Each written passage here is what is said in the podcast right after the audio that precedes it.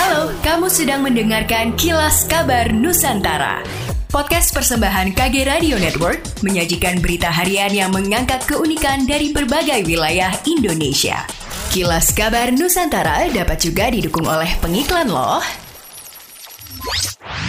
Sobat Medio, podcast Beginu yang dibawakan oleh Wisnu Nugroho, pemimpin redaksi Kompas.com siap bekali kamu dengan obrolan penuh wisdom mulai dari Dahlan Iskan, Najwa Shihab, Jason Ranti, dan sosok inspiratif lainnya. Persembahan Medio Podcast Network by KG Media dan Kompas.com hanya di Spotify. Menteri Pertahanan Prabowo Subianto menghadiri Kongres ke-16 Fatayat NU di Jakabaring Sport City Palembang Jumat 15 Juli 2022. Saat memberikan sambutan, Prabowo Subianto mengaku grogi dan gemetaran menghadapi ibu-ibu. Ini sangat logis karena ibu-ibu kaum perempuan yang melahirkan generasi penerus. Sementara itu Gubernur Sumatera Selatan Herman Deru mengatakan bahagia sekali sebagai warga Sumatera Selatan karena ditunjuk sebagai tuan rumah perhelatan besar dan menyebut baik kegiatan ini sehingga bisa membantu UMKM Sumatera Selatan.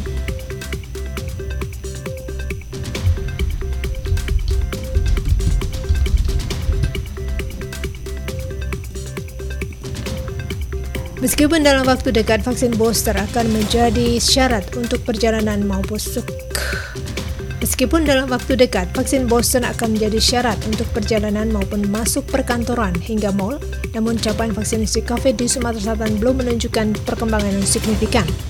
Kepala Bidang Pencegahan dan Pengendalian Penyakit Dinas Kesehatan Provinsi Sumatera Selatan Ferry Yanuar mengatakan, capaian vaksinasi COVID-19 di Sumatera Selatan dosis ketiga atau booster baru 17,61 persen.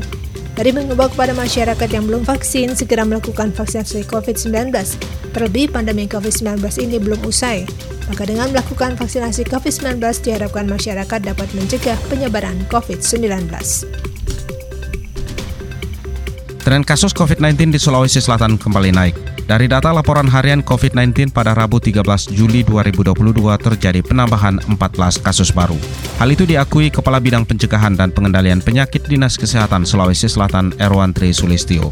Kendati demikian, Erwan menyebut kenaikan yang terjadi tidak eksponensial atau berlipat ganda dalam sehari.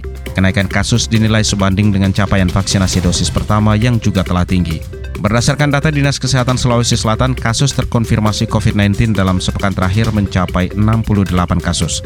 Karena itu Pemprov Sulsel terus menggalakkan vaksinasi dosis 2 dan 3 atau booster, sebab capaiannya masih rendah. Selain vaksinasi, pemerintah Provinsi Sulawesi Selatan juga mendukung kebijakan penggunaan masker di luar ruangan sebagai salah satu langkah pencegahan COVID-19. Penggunaan masker di luar ruangan ini kembali digaungkan oleh Presiden Joko Widodo menyusul kenaikan kasus COVID-19 di sejumlah daerah. Demikianlah kilas kabar Nusantara pagi ini.